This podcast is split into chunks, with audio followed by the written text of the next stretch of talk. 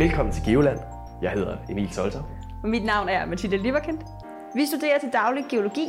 Og her i podcasten udforsker vi den geologiske verden og dens mange mysterier. Podcasten Geoland udgives af magasinet Geoviden, som formidler geovidenskab til unge og andre interesserede.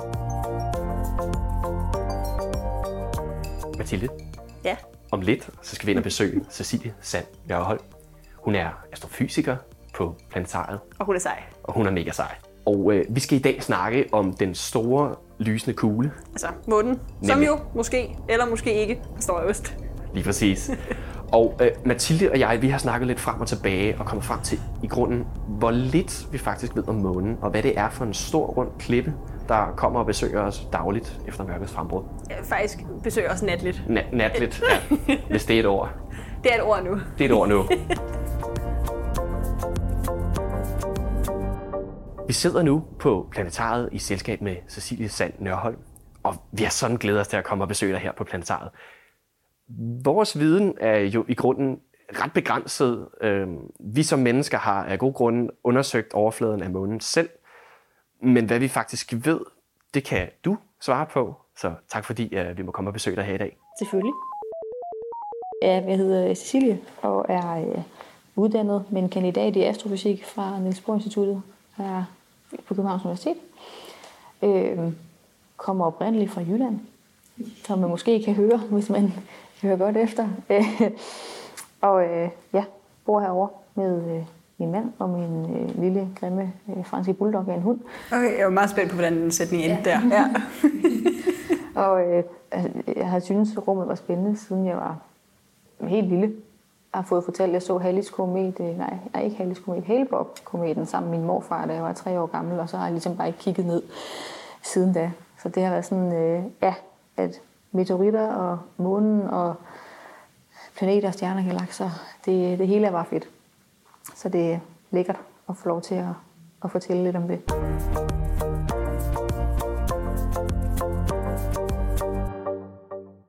Vi kan starte med lige hurtigt at forklare, øh, hvorfor har vi en måne?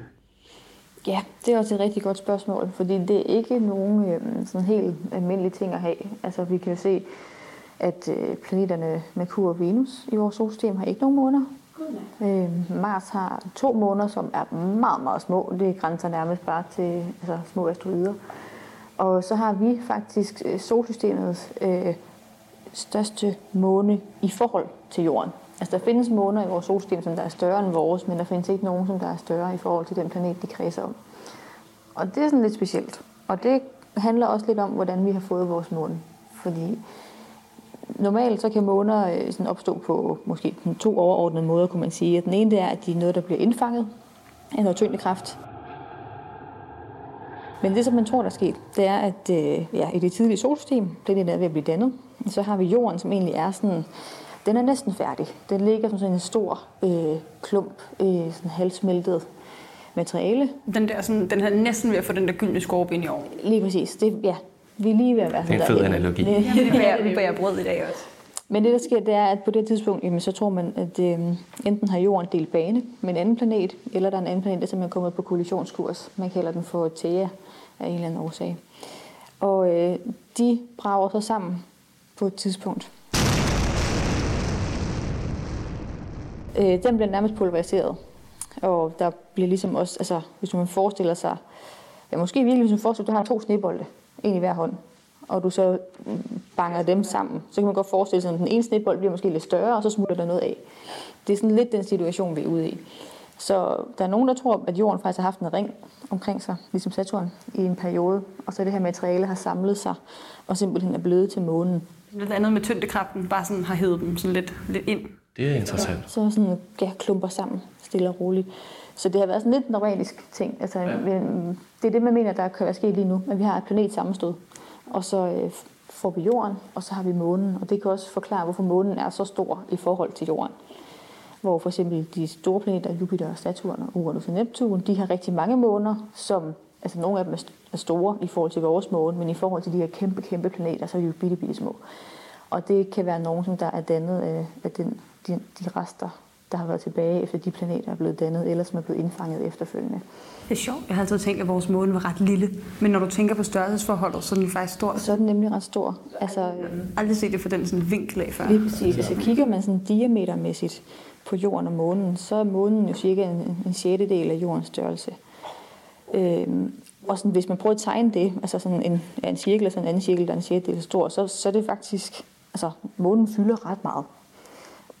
Den er ikke så meget mindre end planeten Merkur, for eksempel. Bare sådan for at give en reference. Jeg fik bare lige det her billede ind i hovedet, da du snakkede om, at de her øh, måner hørte til de forskellige planeter. Så fik jeg jo det her billede af Venus og Merkur som de enlige mødre. Mm. Og så havde vi jorden med den meget tykke baby. Ja. Og især med de her, hvis den har haft nogle ringe rundt om sig, eller asteroider, har sådan spist dem til sig, fordi den her baby, den skulle altså bare vokse stor. Lige præcis. Og så stakkes Saturn, som bare har været nogle af 30-40. Øh, Saturn har faktisk lige nu øh, 82 måneder. Øh, Det ændrer sig. sådan lidt 82 løbende. måneder. Ja, den fører faktisk over Jupiter. Jupiter er den største planet, og det plejer at være den, der har flest måneder. Den har 79. Så var der lige en gruppe forskere, der fandt øh, 20 små måneder rundt om Saturn her for et par år siden, så nu har den 82. Okay, så tallet det stiger simpelthen ved, at man finder... Og så når man også til et skillepunkt, altså sådan, når man tænker sådan, altså hvad, hvad er en måne, og hvad er bare en stor sten? Ja. Men prøv lige at tænke på at have 82 børn.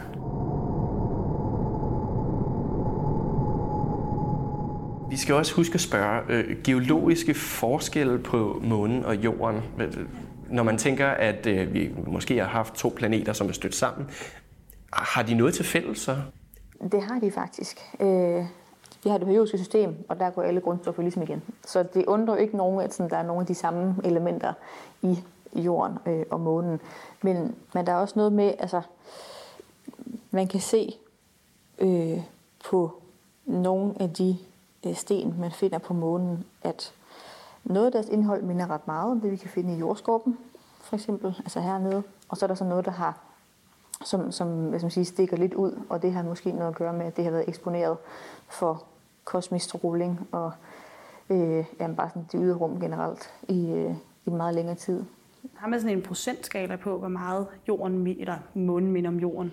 Og jeg tror, det er ret svært. Jeg tror, det er sådan nogle, nogle lidt estimater, man har, fordi vi har jo aldrig, som du har, øh, altså, nu er jeg lige sige det, men vi har aldrig sådan været inde i månen og tage jordprøver på samme måde, som man har lavet borprøver her på jorden.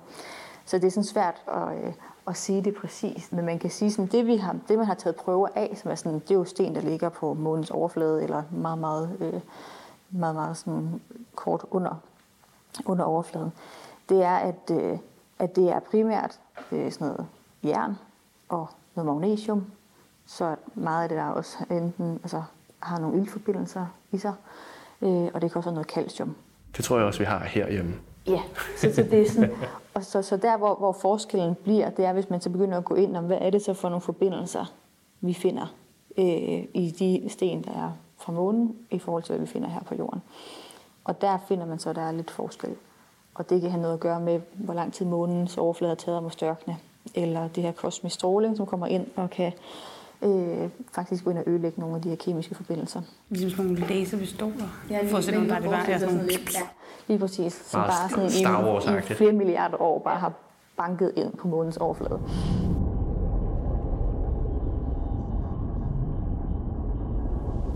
Det er mega cool.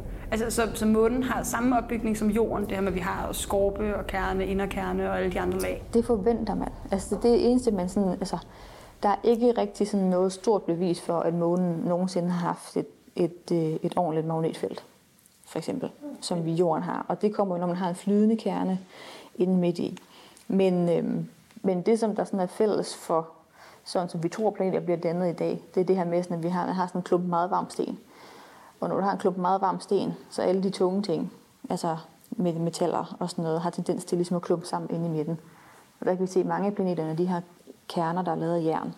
Så, øh, og man tænker, at, det må vi- månen ligesom også have til fælles. Den jernkerne, så, sige, så har jeg lyst til at tro, at den er rigtig tung. Ja, Det ved jeg ikke. Det ved jeg ikke, man kan det er nok svært at måle. ja men man, man, man, man måler sådan mere sådan i, i forhold til jorden, for eksempel.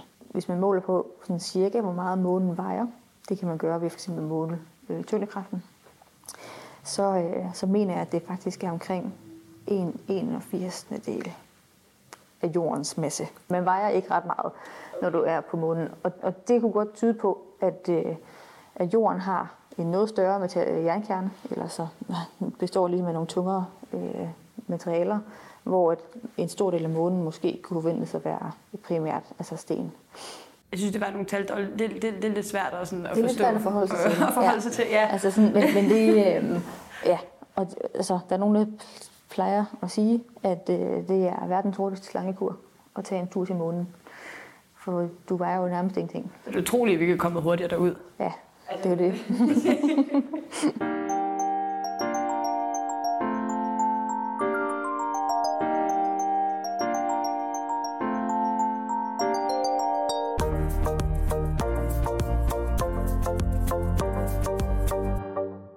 Vi kan jo ikke se geologien ind i månen, men vi kan jo måske se geologien uden på månen. Fordi det her, når man kigger på månen, så har den jo sådan umiddelbart to farver, som er sådan grå og mørkgrå. Ja, lige præcis. Er det, er det også geologi, man kan se der? Det er det faktisk. Øh, og hvis man kigger på månen altså en, en helt almindelig aften, så øh, vil man hurtigt lægge mærke til, at der er sådan de her mørke plamager rundt omkring på månens overflade. Og det er det, som man kalder for mare, eller have. Mara? Ja, Mare. ja det latinsk ord for hav. Altså førhen, inden vi havde teleskoper og alt sådan noget, der troede man, at øh, simpelthen der var vand. Det ligner oceaner, sådan, hvis man lige kigger på det hurtigt. Er det også derfor, der er flere steder, der hedder sådan have op på månen? Lige præcis, ja. Og de her have, de er så mørke, øhm, og de er ret flade i forhold til resten af månen. Vi har vi lysegrå områder, som er sådan højland, eller hvad man kan øh, kalde det, hvor, at, øh, ja, hvor der ligesom er noget mere variation. Så jo mørkere det er, jo sådan lavere er det. Ja, sådan kan man ligesom tolke det, men sådan, jeg tror, det er virkelig grund til, at det er mørkere. Det er egentlig fordi, det er lavet primært af, af, sådan, af basalt. Og basalt, det er noget, vi kender. Ja. Det kender vi til. Ja, Det har vi også her på jorden. præcis. Hvad er basalt engang? Får vi lige en ordforklaring her. En mørk vulkansk stenart. Metallisk. Som vores skorpe især består af. Ja.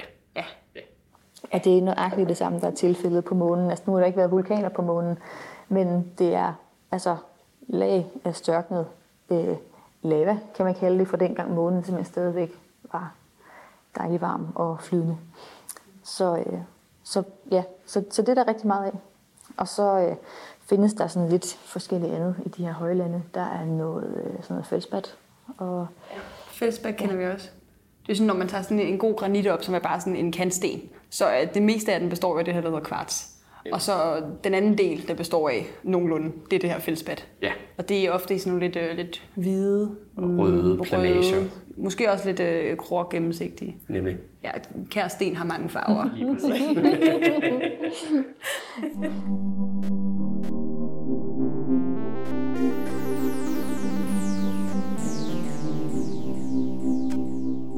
Det, det er jo faktisk en del af det, vi har også på jorden her, nemlig. Og er det alt sammen levn fra, når de to planeter her i sin tid har stødt sammen? En del af det er. Øhm, og man tror især, at de her have øh, kan ligesom være, være sådan primært rester fra dengang, at, at månen stadigvæk var flydende efter det her sammenstød. Men altså, der er jo latterligt mange krater på månen. Selvfølgelig. Altså, så det betyder, at noget af det materiale, der er på månen, kommer jo ligesom også udefra. Det gør det i princippet også her på jorden. Vi har bare en atmosfære og noget vand og sådan lidt forskelligt, der ligesom bremser det hele lidt. Hvor månen er totalt eksponeret. Altså, der er ikke noget til at bremse øh, indkommende altså asteroider og, og lidt af hvert. Måske der, det kommer fra, månen en ost. Det er faktisk bare, fordi der er huller i den. Der er simpelthen huller i den over det hele. Altså, og selv hvis vi bare står og kigger på den en, en almindelig aften, kan man godt sådan fornemme, at der er altså selvfølgelig både de her mørke områder, men sådan, den ser bare sådan lidt, den ser sådan lidt ujævn ud. Altså ligesom sådan en hullet ost, eller en surdej, eller et eller andet. Altså, Kan man ikke også se ofte, sådan der, hvor der er et hul, kan man se ligesom sådan nogle, nogle lange streger ud, som sådan stjernemønster, lige præcis. som ligesom sådan spyder ud i hinanden. Ja. Og det er simpelthen, jeg synes, når der har været sådan en ordentlig sammenstød. Det er jo ikke, fordi månen er revnet som sådan, men det kan godt give sådan nogle, øh, altså, ja, sådan nogle små revner i overfladen. Men grunden til, at man meget ser det her stjernemønster, det er faktisk lige så meget fordi, at der er ret meget kraft bag sådan her sammenstød. Så det vil sige, at den sten, der kommer ind, bliver nærmest helt pulveriseret og laver sådan en god splat. Puffer ud. Ja, ligesom hvis man smider en tomat op på væggen. Det kunne man godt, ja. Og så en anden ting, der er, det er, at månen er dækket af et øh, ret tykt lag meget, meget fint støv. Ligesom hvis man forestiller sig, at du træder i noget kartoffelmel, som ovenikøbet har en elektrisk ladning, så det hænger fast i alt. Nej. Det var et problem under månemissionerne, fandt man ud af. It's one small step for man, one giant leap for mankind. Og det her støv, det er en blanding af, når der kommer øh, meteoritter ind, altså og pulveriserer noget af målens overflade, og selv bliver pulveriseret, men faktisk også den her sådan konstante bombardement af stråling fra solen og fra det ydre rum, som går ind øh, løbende og sådan ødelægger øh, sten nok til, at det sådan bliver til fin, fin, fin støv. Altså månen er jo bare vores skjold. Det kan man godt sige. Det er altså, vores sådan forsøgskanin, skydeskive. Ja, og, og, og forsiden, eller hvad skal man sige, det er den, hele tiden vender ind mod os her på jorden. Altså vi ser kun én side af Vi ser månen. kun en side af månen. Og den, øh, den har også mange krater på sig, men man kan ligesom se, at der er en forskel. Og til dels så er det fordi, at bagsiden den er bare grå og fyldt af krater, og på den side, der vender ind mod os, men der har vi mange af de her have. Og øh, dengang månen blev dannet, jamen så har, har jordens tyngdekraft været sådan med til sådan at ælte den lidt og holde noget af det her øh, sten flydende, og så er det så størknet og, øh, og blevet til de her basaltlag, som er, som er lidt mørkere end det andet. Og så fordi den vender ind mod jorden, jamen så har den bare ikke haft mulighed for at blive ramt af lige så mange øh, meteoritter, fordi der har jorden ligesom været i vejen. Åh, det er godt nok sjovt. Så den er simpelthen vendt ryggen til at blive ramt bag af meteorer. Ja, Det er faktisk månen, der er moren. Altså det er jo månen, der står og omfavner jorden og passer på sin lille baby, mens hun bare bliver skudt i ryggen. Ja, men jeg tror også, at jorden er blevet skudt ret meget i ryggen. Vi kan, vi kan bare ikke rigtig se det. og vi har så lidt mere til at beskytte os mod det, kan man sige.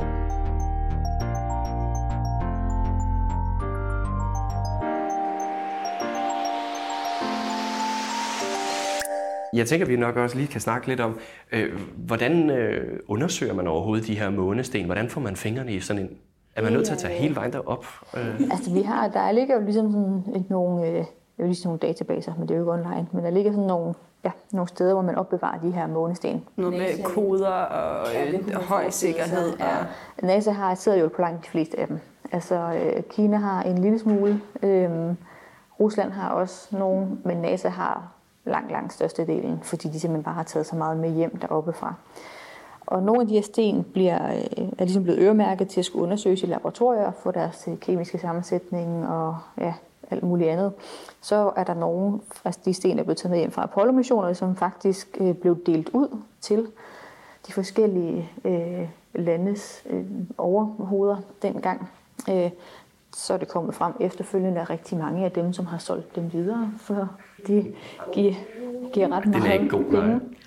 Mig, at de går for ret meget på det sorte marked. Ja, man var faktisk nødt til øh, på et tidspunkt at lave en estimat af, hvor meget en månesten koster, fordi, jeg kan ikke huske det 100%, men jeg mener, at der var nogle lidt langfingrede øh, laboratoriemedarbejdere over i USA på et tidspunkt, som nupsede bare en lille smule af det med hjem, og så var man simpelthen nødt til at finde ud af, hvad koster det per gram.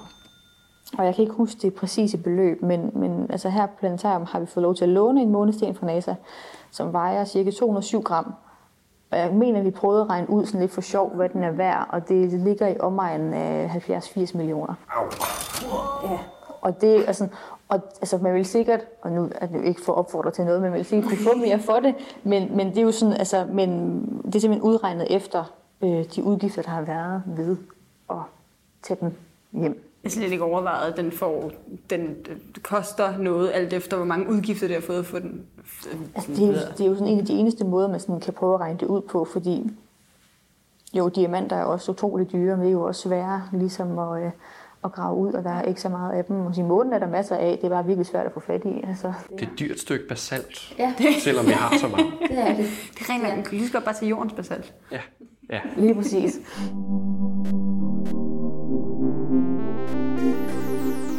Vil man kunne øh, tage et stykke jordbasalt, og så, øh, og så putte lidt støv på, og så sælge det som en månesten?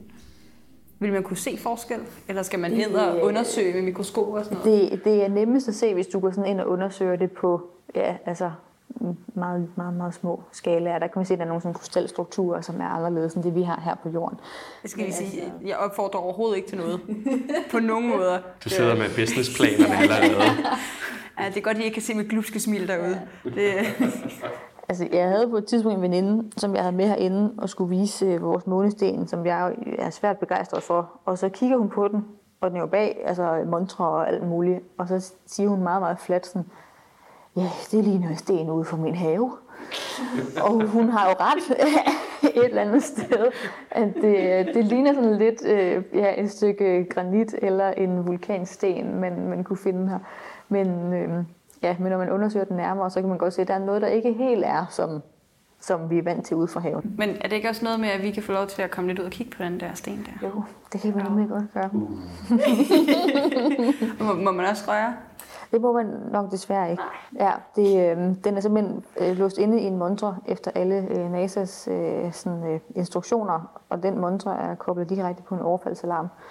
Så hvis man kommer til at sparke lidt for hårdt til den, så kan der godt finde på at stå to lidt sure politimænd lige pludselig. Så er jo bare det, jeg peger på Emil. Og så, så håber jeg, at de tænker, jeg, at det ikke kan være mig, der har gjort det. Men også fordi, altså, at det her, øh, altså det her månesten, sådan, hvis alle skulle have lov til hen og, og nuller ved det, så vil det jo lynhurtigt som siger, smuldre væk, hvis der er mange hver eneste dag i løbet af mange år, der sådan skal hen lige og, og røre lidt. Altså, vi har også to meteoritter til at stå herinde, som man gerne må røre ved. Og der kan man sådan se, at der er nogle bestemte områder, folk lige sådan skal hen lige nu lidt på, fordi det er sjovt nok lidt mere blank end, end, end, end alt andet. Skal vi tage ud og kigge på den? Ja.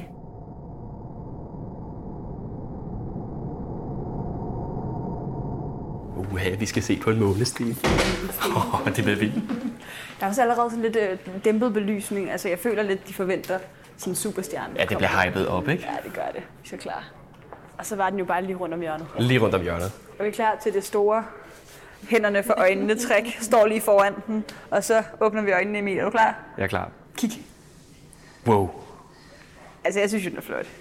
Jeg, sy- jeg synes også, den er meget flot. Altså, det, Jeg kan godt se, at det ligner lidt en god sten. Ja, en grå månesten. Glitrer lidt i lyset. Det første, jeg så lidt, da jeg tænkte, udover, når jeg nu vidste, at der var en månesten, tænkte jeg selvfølgelig, wow. Men det var alle de der, når man er, står og venter på et tog, så ligger der en masse sten nedenunder. Og der har den både sådan lidt samme størrelse og form og lidt farve. Lidt mørkere. En meget dyr brosten. Når man så går helt tæt på, hvordan ser den så ud? Ja, så glimter den meget mere, som du sagde, Emil. Og nu skal jeg selvfølgelig, jeg skal nok lade være med at sparke til den. Må man ånde på den? Ja. Okay. Ej. Den er altså meget flot. Der er ligesom også nogle... Øh, det ved jeg ikke, den ser sådan lidt mere nubret ud på en eller anden måde på overfladen. Det ved jeg ikke, om øh, overfladen bet- betyder noget, eller om det er bare mig, der ligger noget i det. Jeg tror, jeg tror, at man hurtigt kommer til at, at ligge øh, lidt i det. Altså, denne der er jo også, kunne man forestille sig, nærmest bare samlet op fra overfladen, og så øh, puttet i en beholder og taget, og taget med hjem. Så den er jo ikke blevet hugget i eller, eller noget. Jeg ved faktisk ikke, om den, den, den er måske sædet en lille smule i. Den er meget glat heromme på den ene side. Ja. Så det her, det, det er en, som de har været oppe og samle op. Der har gået nogle kæmpe store, nu skulle jeg sige store mænd, det var nok mænd i whatever størrelse, som har haft nogle store dragter på. Lige præcis. Ej, det er da vildt. Jeg troede faktisk, den var kommet ned som øh, med meteorit. Der findes også øh, månemeteoritter, øh, Det gør altså, der. som man kan finde her på jorden, som man kan, som man kan indsamle. Øh, og de, hvis man, jeg, har, jeg har kun set et stykke af en, af de, som har været skåret over, men som havde sådan lidt de samme, sådan lidt øh, glitrende og sådan helt kvartsagtige stykker øh, i sig. Og denne der er simpelthen taget med hjem i 1972 Med Apollo 17, simpelthen. til mere på 17. Altså, nu har du lige sat os på en skattejagt. Ja, Altså, nu skal vi jo både ud og finde månesten. Er I vores baghave. Ja. Kan, altså, er der en, en, hvor stor er sandsynlighed for at finde den i vores baghave? Den er nok desværre ikke så stor, øh, sådan, hvis, man, hvis man tænker på sandsynligheden for at finde en meteorit øh, sådan i det hele taget. Og så er det jo altså en brøkdel af alle meteoritter, som er et stykke, der er slået løs af månen. Så det, det er meget lille sandsynlighed for, at du finder en meteorit, og den meteorit, du så faktisk finder, tilfældigvis er et stykke af månen. Ja, okay. Ingen af os er værdige. Nej, det er ikke værdigt. Nu skal vi sige, nu står vi også ude i udstillingen, så hvis I kan høre nogle andre stemmer, eller der kommer lige sådan en, en, sådan en rumlyd, sådan lidt en stor rumlen, så det er altså øh, planetariets øh, andre gæster, som går rundt her. Skal vi hoppe ind igen? Ja.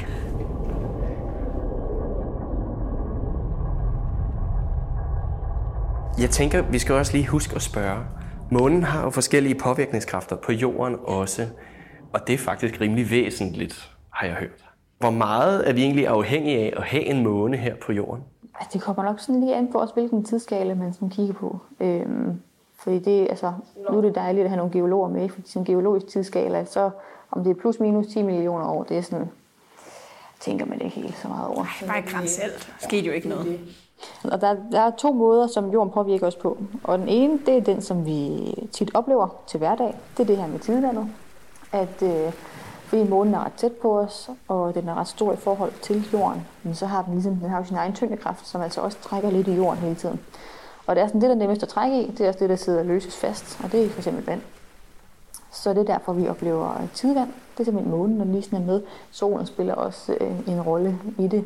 Men, øh, så, og, og der, man sige, der er jo nogen, der er ret afhængige af det her tidvand. Både dem, som der sejler meget, for eksempel. Øh, jeg har også fået fortalt, at hvis man skal ud og fiske eller plukke østers eller et eller andet, så er det meget vigtigt at holde øje med det der tidvind.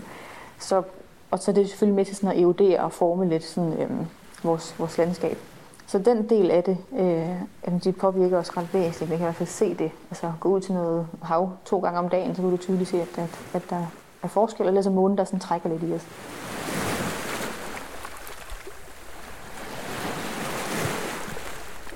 Den anden del, som faktisk er endnu mere væsentlig, men som vi ikke rigtig tænker så meget over, fordi det foregår over så lang tid, det er, at månen bevæger sig hele tiden en lille bitte smule væk fra jorden.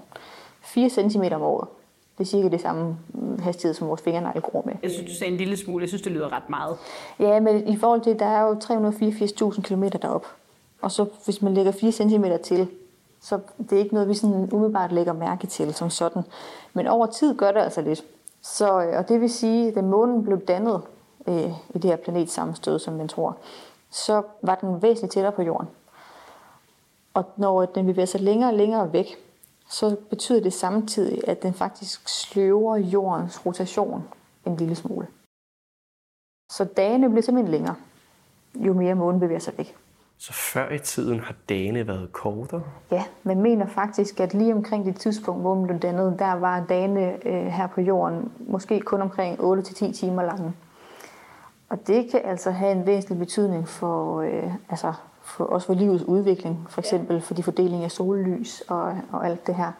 Til gengæld kan man sige, at det betyder også, at om altså 150 millioner års tid, så har vi et døgn, der er 25 timer. Og det er måske nogen, der synes, det kunne være meget rart.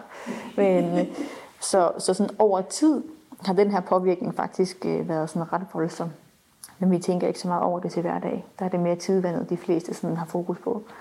Jeg sidder og tænker, i gamle dage, Mathilde, Ja. der kunne man blive meget ældre. Fordi det gik længere, der gik kortere tid, før at du havde nået et helt år. Ja, og så dog, fordi jorden tog stadigvæk den samme antal tid om at bevæge sig rundt om solen, som jo det et år er. Men der er jo så bare flere dage på et år, Selvfølgelig. så du nåede at blive flere dage gammel. Så faktisk det her skudår, vi har, det burde på et tidspunkt laves om.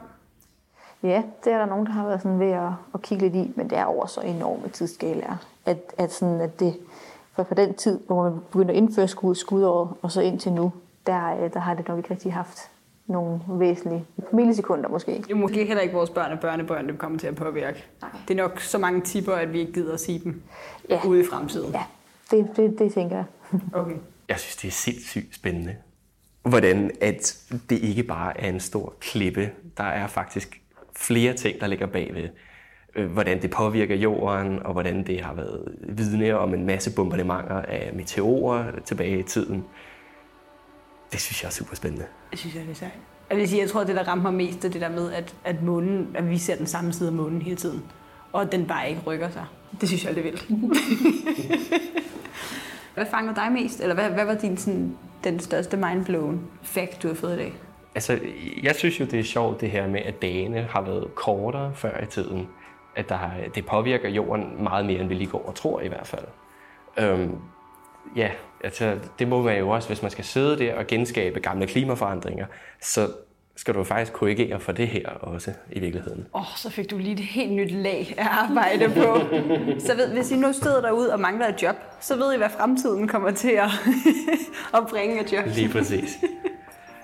Vi skal også til at runde af for dagens episode i hvert fald. Yeah. Jeg er stadig helt mindblown. og øh, ja, øh, tusind tak, fordi du havde tid til at snakke med os i dag, Cecilie. Selvfølgelig. Hvis du gerne vil mere i dyb med munden, så kan du finde mange flere artikler og videoer og meget mere viden at fordybe dig i på geoviden.dk. Desuden var Mathilde og jeg i nærheden af en vaskeægte månesten. Ingen af os var værdige. Og udover selvfølgelig at anbefale et besøg til planetariet, så har vi altså også taget et billede af den her månesten. De ligger alt sammen på geoviden.dk under podcasten Geoland.